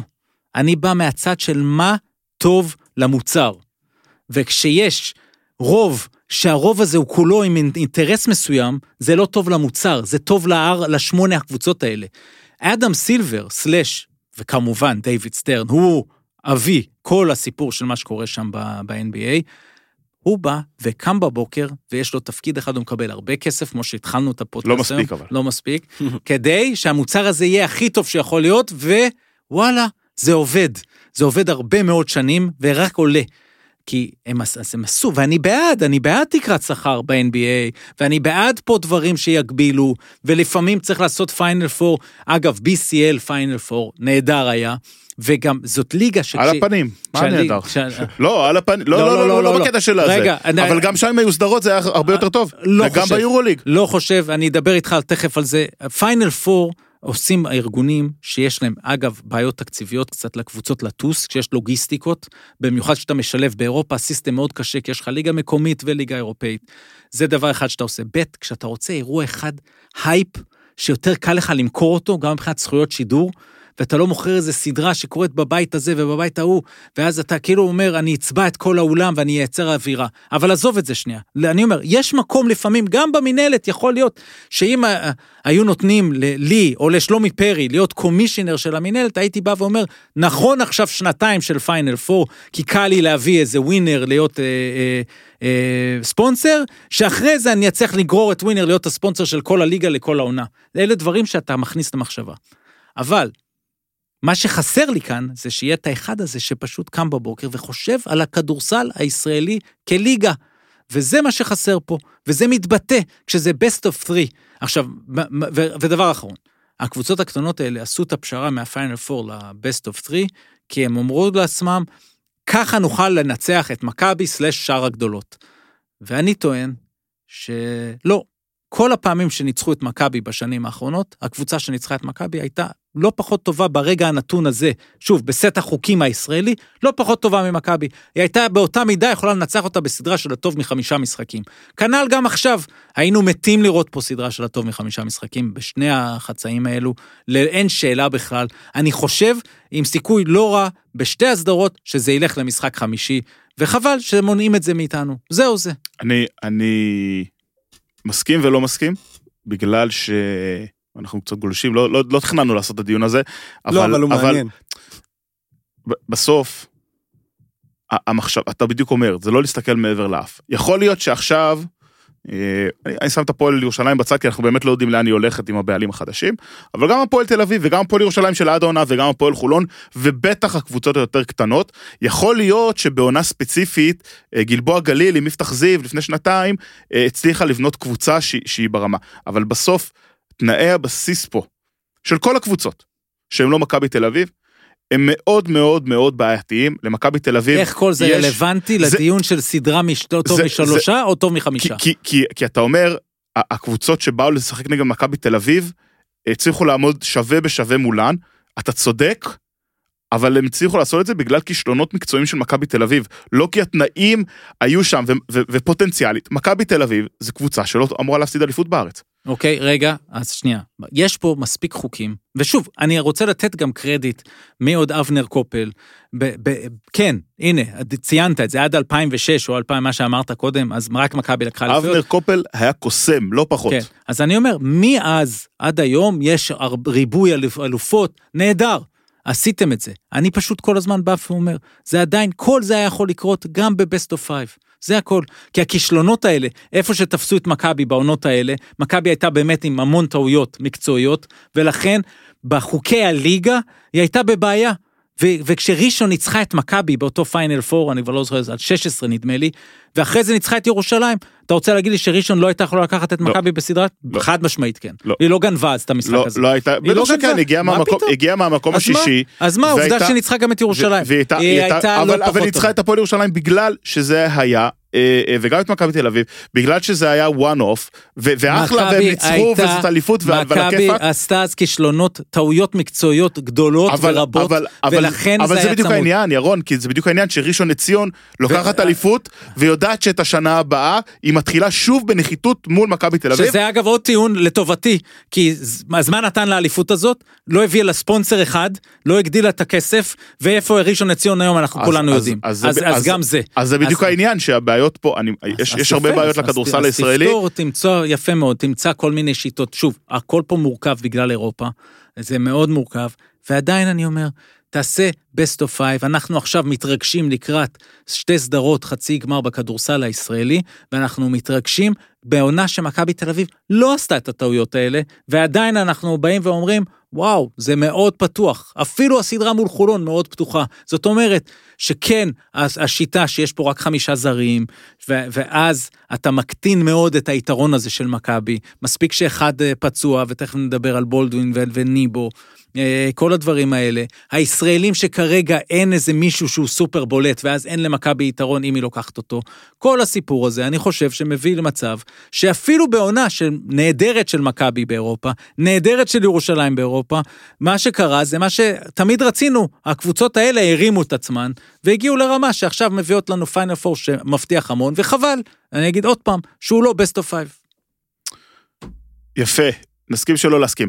אמ, אבל כמו שאמרנו, מתחיל, אה, מתחילות סדרות חצי הגמר, סדרה ראשונה שמתחילה מחר אה, בשעה תשע, מכבי תל אביב מארחת את הפועל חולון.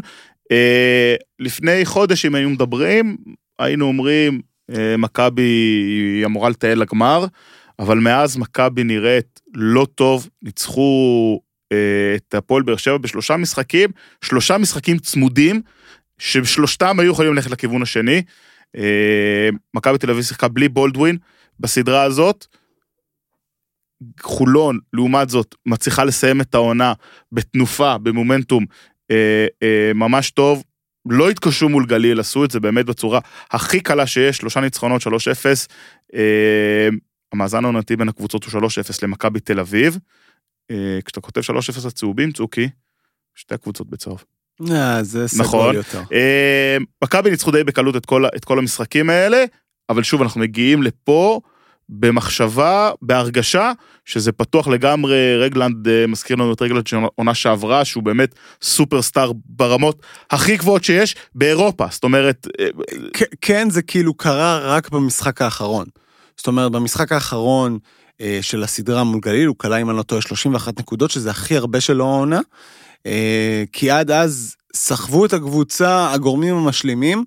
אחד קוראים אותו שון דא- שון דאוסן, שלא היה טוב במשחק האחרון בסדרה, אבל היה מדהים.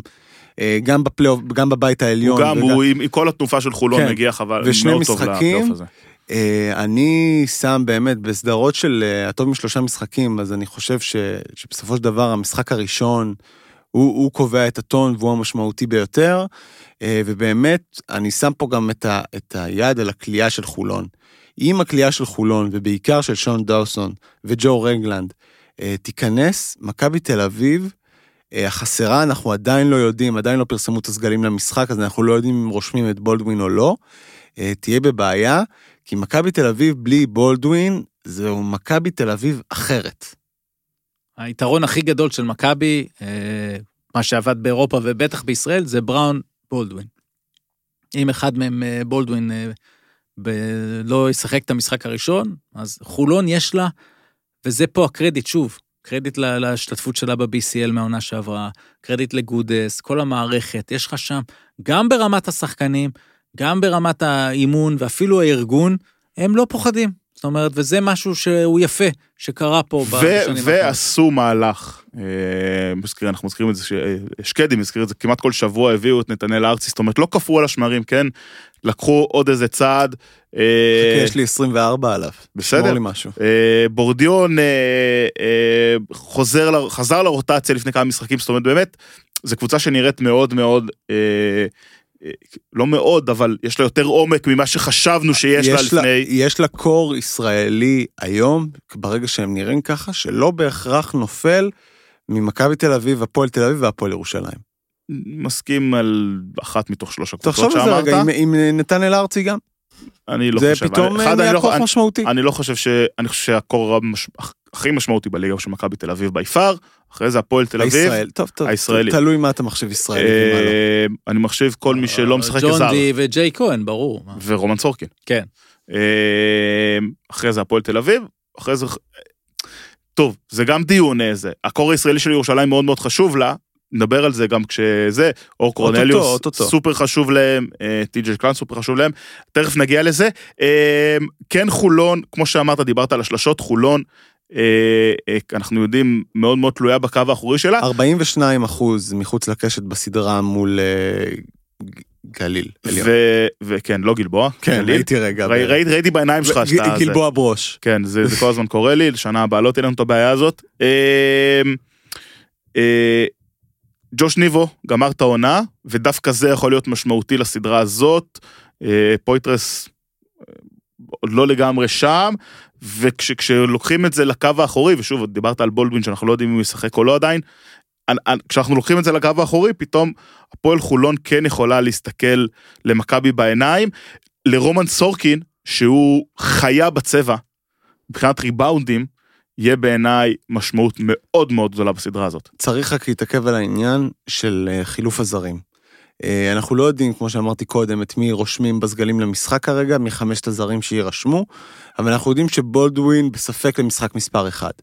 לא יודע אם ירשמו או לא ירשמו, אבל במידה ובולדווין לא נרשם למשחק אחד וכן רוצים לרשום אותו למספר 2, הם צריכים להחליף אותו בזר הקיים, ואותו זר לא יכול לחזור למשחק השלישי. כן. אה, באותה סדרה. אה, אז זה באמת גם עניין של, אתה יודע, איזה מין, מין משחק והימור שעודד קטש צריך לקחת. יכול להיות שהוא ינצח בגדול, ויכול להיות שההימור הזה דווקא יפסיד לו, כי אם בולדווין פתאום חוזר ב-60 אחוז ואיכשהו נפצע או לא יודע, אז הוא בבעיה מאוד מאוד גדולה, כי הוא נשאר עם בעצם עם ארבעה זרים. אה, מול חולון שעם חמישה, ואם שון דאוסון נראה טוב, אז הם שישה זרים גם. אה, סדרה על לא, הנייר, לא, לא שישה זרים. למה? חמישה זרים וישראלי מאוד טוב. אה, עם תפוקה של זר. זה ישראלי מאוד טוב. זה גם דיון ליום אחר. בסדר, גם לסורקין היו משחקים כאלה. שהוא היה נכון. ישראלי מאוד טוב, לא תפוקה שלו, זה ישראלי מאוד טוב. לא, בוא, בוא, אה, נחגוג, בוא הלוואי נחגוג את הישראליות. הל- הלוואי שהיו לנו ישראלים מאוד טובים שקולים בערך 18-20 נקודות בממוצע בליגה, זה לא קורה, אנחנו לא שם. אבל גם, על זה דיברנו, כי, כן. הם, כי הם פשוט הולכים למקומות שהם יותר טובים להם. אני, לא יודע, אה, אה, למה, יובל זוסמן, תמיר בלאט, ים הדר, היו עושים היום 18-20 נקודות בליגה בממוצע למשחק? אני לא חושב. אולי כן, אולי. לא, אבל, אבל שוב, אה, אה, לכמת את, את תרומה של שחקן לכמות הנקודות שהוא עושה, זה לא לגמרי אבל נכון. עדיין, כי אור קורנליוס, עד, עדיין, אור קורנליוס- שאל אותי בטוויטר לגבי זה, למה אתה תפוקה של זר, אמרתי, תראו לי כמה ישראלים נמצאים ברשימת 20 הקלעים הבולטים היום בליגה. אבל, אבל, אבל זאת לא ש... זה בסדר, זה, זה כן... כדורסל בסופו של דבר אנחנו מודדים בנקודות. נכון, אבל, אבל שוב, קח את הפועל ירושלים וקח את אור קורנליוס, אור קורנליוס לא שחקן יורוליג, בסדר? אני לא טוען שהוא יותר טוב מיובל זוסמן, אבל התרומה של אור קורנליוס להפועל ירושלים, למרות שהוא לא קולע נקודות, נכון. ואור קורנליוס מחרב קצת בהתקפה, בסי- כי הוא, כי הוא מחטיא והוא... בסיסטם הזה, אני לא בטוח שבכל... ודווקא כל- אור קורנליוס, אור קורנליוס עושה עבודה של זר בהפועל ירושלים, כי הוא עושה מה שקריס כן. ג'ונסון עושה, והוא עושה מה שלא יודע, אה, גרגורי ורגס עשה במכבי חיפה כשהם הגיעו לגמר, או עושה... רק שהם כלו. אמ, אז, לפעמים אז, כן אז ולפעמים אור לא. קורנליוס כרגע נהנה מעניין שצריך ישראלי אחד על המגרש, והתרומה ההתקפית שלו לא קיימת, וראינו ב-BCL, בפיינל 4, מה באמת התרומה שלא צריך ישראלי על המגרש. ואור קורנליוס בקבוצה שהיא לא הפועל ירושלים, לא יודע כמה הוא משחק. יש פה פשוט התאמה כרגע מושלמת לסיסטם.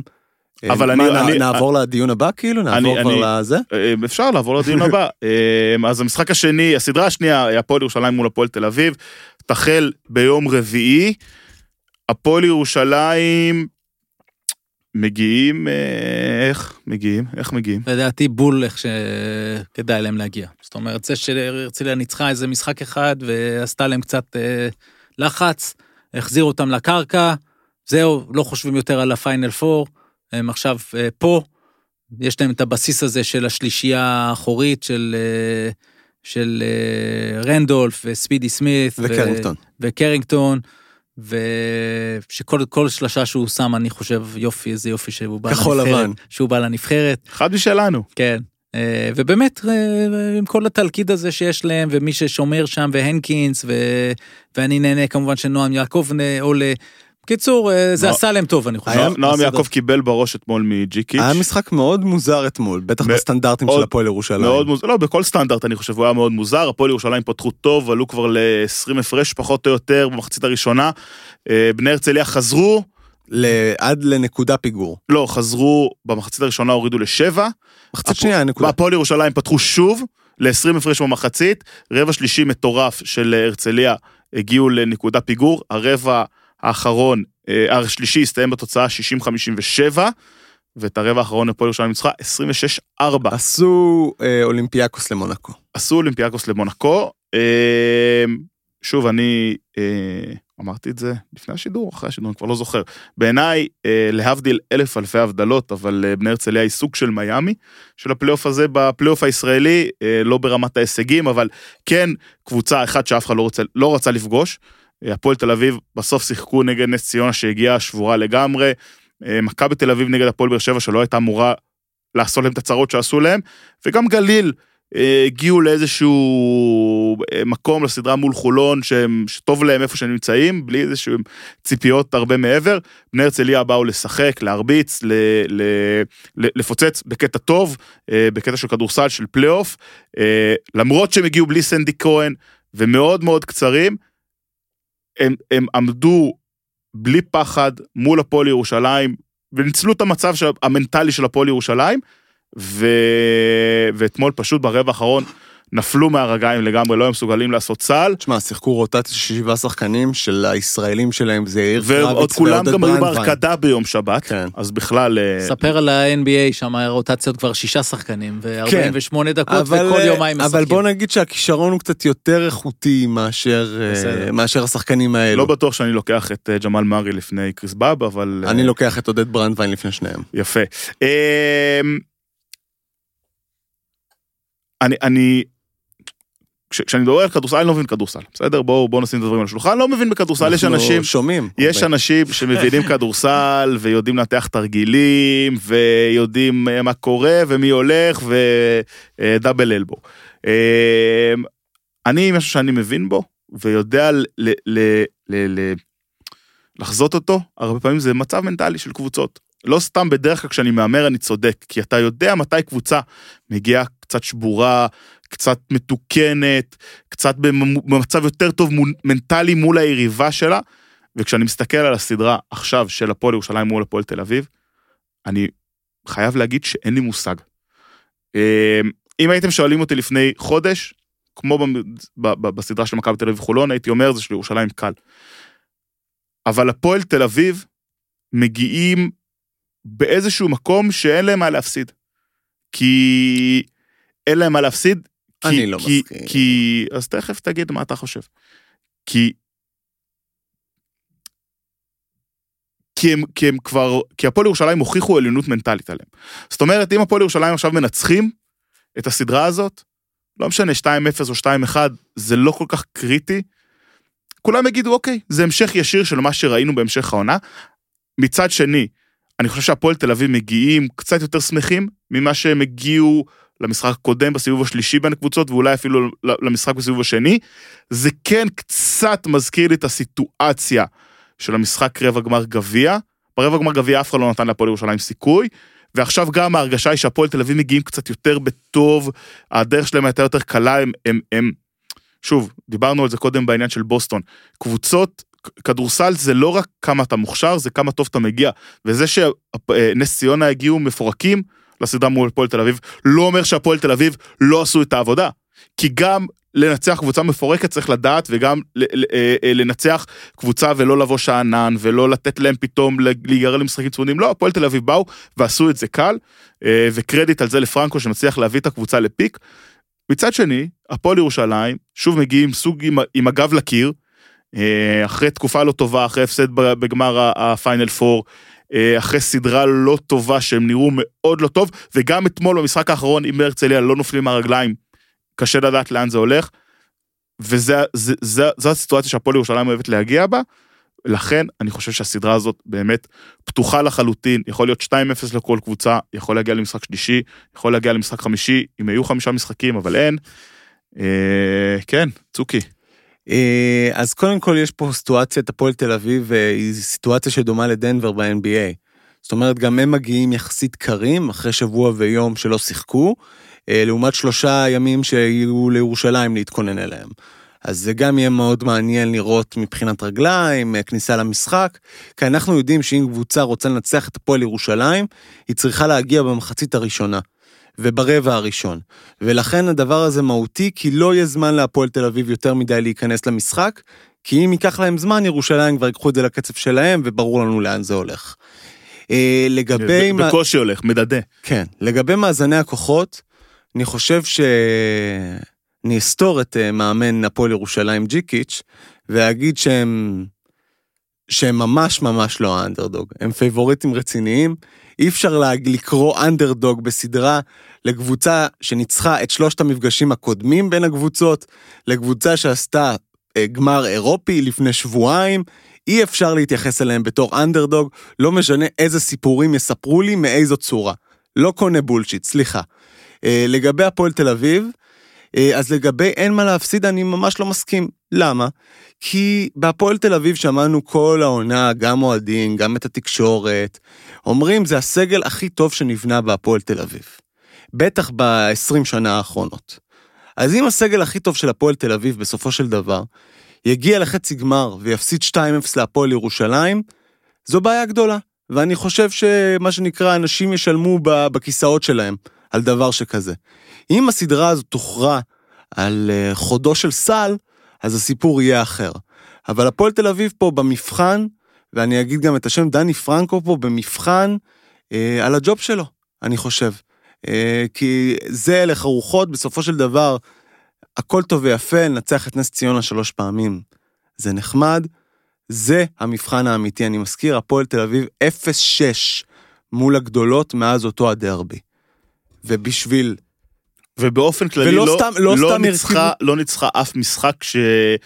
שנטל ההוכחה היה עליהם. בדיוק, יכול, אתה יכול אולי להגיד ונציה, אני לא מסכים, אני חושב שמול ונציה הפועל תל אביב הייתה פיבוריטית, נכון. בטח בבית. מסכים.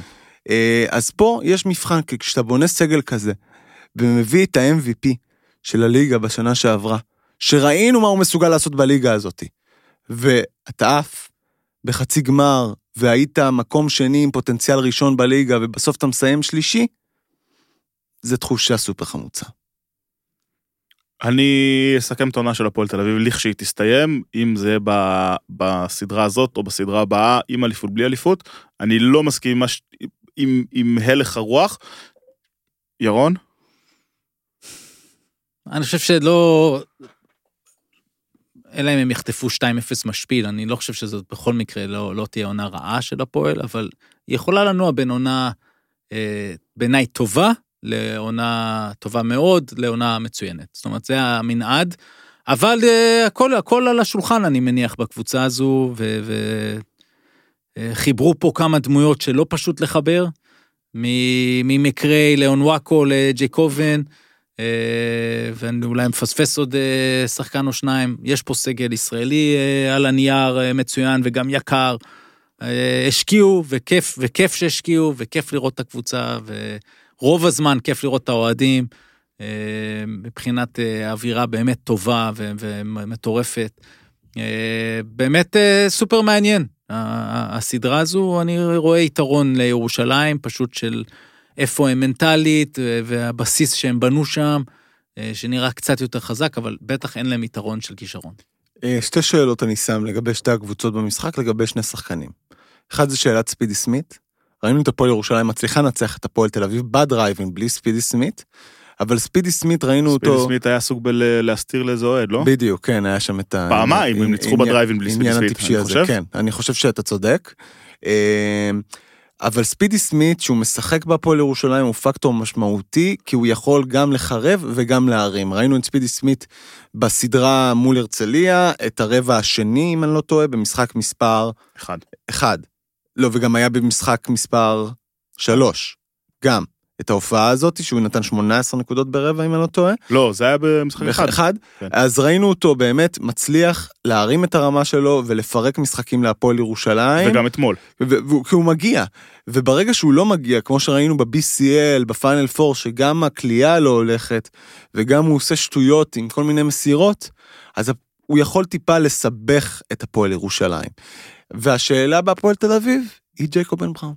תמיד. תמיד. ופה, אתה יודע, בסופו של דבר, האם יש לו עוד הופעה אחת כזאת כי הם יצטרכו אותו? זה המבחן, אתה שם יודע. בקלאץ', כשכולם יודעים שזה הוא, בדיוק. הוא יצטרך אתה, להביא את זה. הביא- הביאו את ג'ייקוב בן בראון להפועל תל אביב, והשאירו אותו בתור המנהיג שלהם במטרה שהוא יסחוף אותם למעלה. זו הסדרה שלו.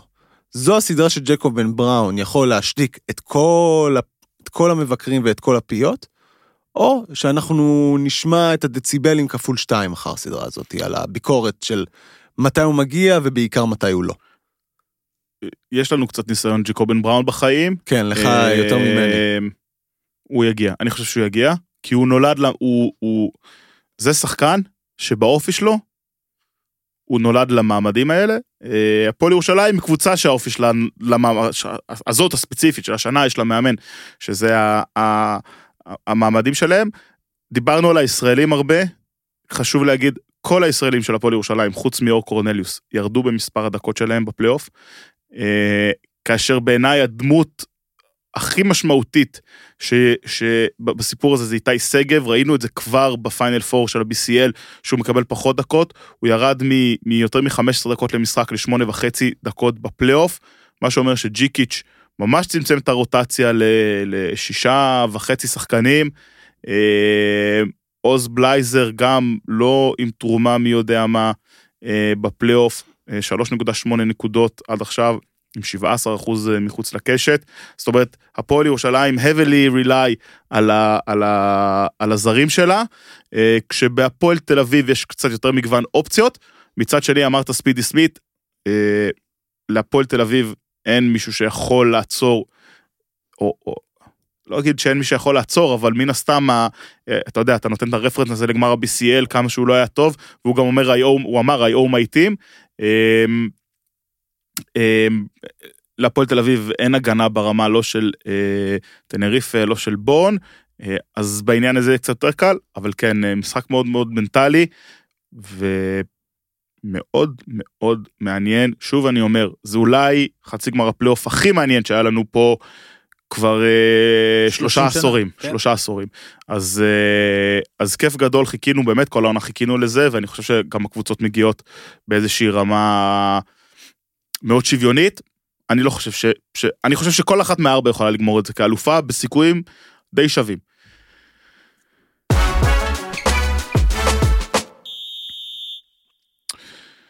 פינת אה, שוט, 24 שניות, שאפשר אה, להביע דעה על כל נושא, בכל אה, ליגה, בכל עניין, אמור להיות קשור לכדורסל, אבל לא חייבים. לפעמים אה, טל פז אוהב אה, להרים ל, למסעדות שפרגנו לו. בקיצור, אה, פינת שוט, צוקי, שוט. אני רוצה לדבר על ההחתמה של נתנאל ארצי בחולון, אחרי כל הסאגה, חולון קיבלו גם שחקן חיזוק, ונבחרת ישראל 3 על 3 שפותחת את אליפות העולם ב-3 על 3 מחר, איבדה את אחד השחקנים הכי טובים שלה. אז תראו מה קרה, יצרנו גם פלוס לקבוצה אחת, וגם עוול לנבחרת לאומית. אחלה בית הדין לכדורסל. בסוף זה השוואת בית הדין לכדורסל. כי הוא החליט. לא, אבל אם הפועל הוא- אילת הוא היו... פסק, הוא אם פס- הפועל הוא אילת פסק. היו עולים לחצי גמר הפיינל פור, אבל הם לא עלו. אבל אם הם היו עולים, אבל הם לא עלו. אז אז הבעיה... למה אנחנו עוסקים באם ו... הם לא עלו. הם לא עלו, וההחתמה הזאת הייתה בניגוד לתקנון. בבית הדין אישר את זה. ויצא אה. מצב שהפועל חולון יכולה על ההחתמה הזו אולי לקחת אליפות, ונבחרת ישראל בשלוש על שלוש, שהוא היה חלק ממנה לפני שבועיים, הוא לא יכול להשתתף בה. אני מסכים שיש בעייתיות עם השל... אבל זה לא קשור לבית הדין, זה קשור ללוזים. לא, זה קשור לזה שבית הדין. אישר את ההחתמה הזאת, אחרת הוא נמצא עכשיו עם הנבחרת שלוש על שלוש. טל פז, שוט. שמעתם על ויקטור ומבניאמה? אז אה, אפשר לראות אותו. אז אני ממליץ פה לראות אותו, זה קורה בפלייאוף הליגה הצרפתית. אה, כל העונה כמובן זה נכון לכל העונה, אבל זה לא שודר, עכשיו זה משודר. וכיף לראות את זה, הוא עכשיו עושה את זה כבר מול וילרבן, אמנם קבוצת תחתית ביורוליג, אבל קבוצת יורוליג. אה, הוא כיף כל פעם שהכדור אצלו, לא הכל נכנס, עוד יש שטויות, אבל הוא כל כך ארוך וכל כך מוכשר. חסיד, שוט. בשתי סדרות, אה, שתיים סדרות אה, רבע הגמר אה, של הפלייאוף, ראינו מצוקה של אוהדים להשיג כרטיסים, הפועל תל אביב בנס ציונה, הפועל ירושלים בהרצליה. שנה שעברה היה הרבה הרבה דיון אה, כשבני הרצליה הגיעו לגמר, לגמר הפלייאוף, האם זה אולם רלוונטי? התשובה היא לא, וזה הזמן להגיד, די לאולמות המתנס בליגת העל לכדורסל, בואו ניתן כבוד למשחק. אתה מצחיק, אתה יודע למה אתה מצחיק? כי, כי זה שמונה- הקטע שלי. כי בערך יש לנו שמונה מתוך שלושה, 13 הקבוצות בשנה הבאה עם אולם מתנס. זה המצב שהגענו אליו. זיסמן נוסף הוא אולם מתנס, האולם של עפולה נוסף הוא אולם מתנס. אז, אז די, אז די, אז מה עושים? אז די. אז מה עושים? אחד, אה, יש עוד אולמות, עפולה יכול לשחק בגנר. אה, יש, אה, התקנון אומר אה, שהקבוצה לא יכולה לארח מחוץ לעירה. אז אז התקנון, אולי צריך להגיע לבית הדין של התקנון- האיגוד שוב. התקנון צריך להשתנות, והרי גם התקנון נותן איזה ש... יש, יש פה סתירה, כי התקנון כן נותן איזה שהם... אה, אולם אה, עד 2,500, אולם- אולם שכאילו הסטנדרט שלו צריך להיות 2,500 מקומות ומעלה. בבקשה, בבקשה. אז- אף אחד לא, בערך, אז- אז זאת הבעיה. נכון. זאת הבעיה, יש אולמות, יש אולם בחדרה, יש אולם בגנר, יש אולם בתל אביב, בטח לא חסרים אולמות.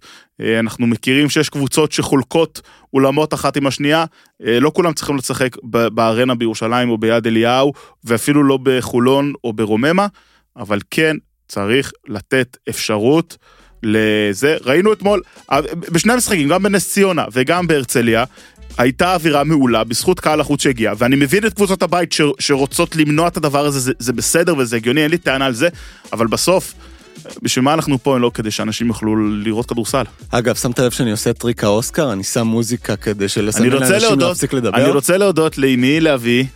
אה, צוקי, תודה רבה. תודה, תודה לך, תודה לכם. ירון, אנחנו נדבר מחר בבוקר נראה לי. כן, בשמחה. אני עמריאל חסיד, זה היה שוט, תודה שהייתם איתנו, ונשתמע. צ'או צ'או.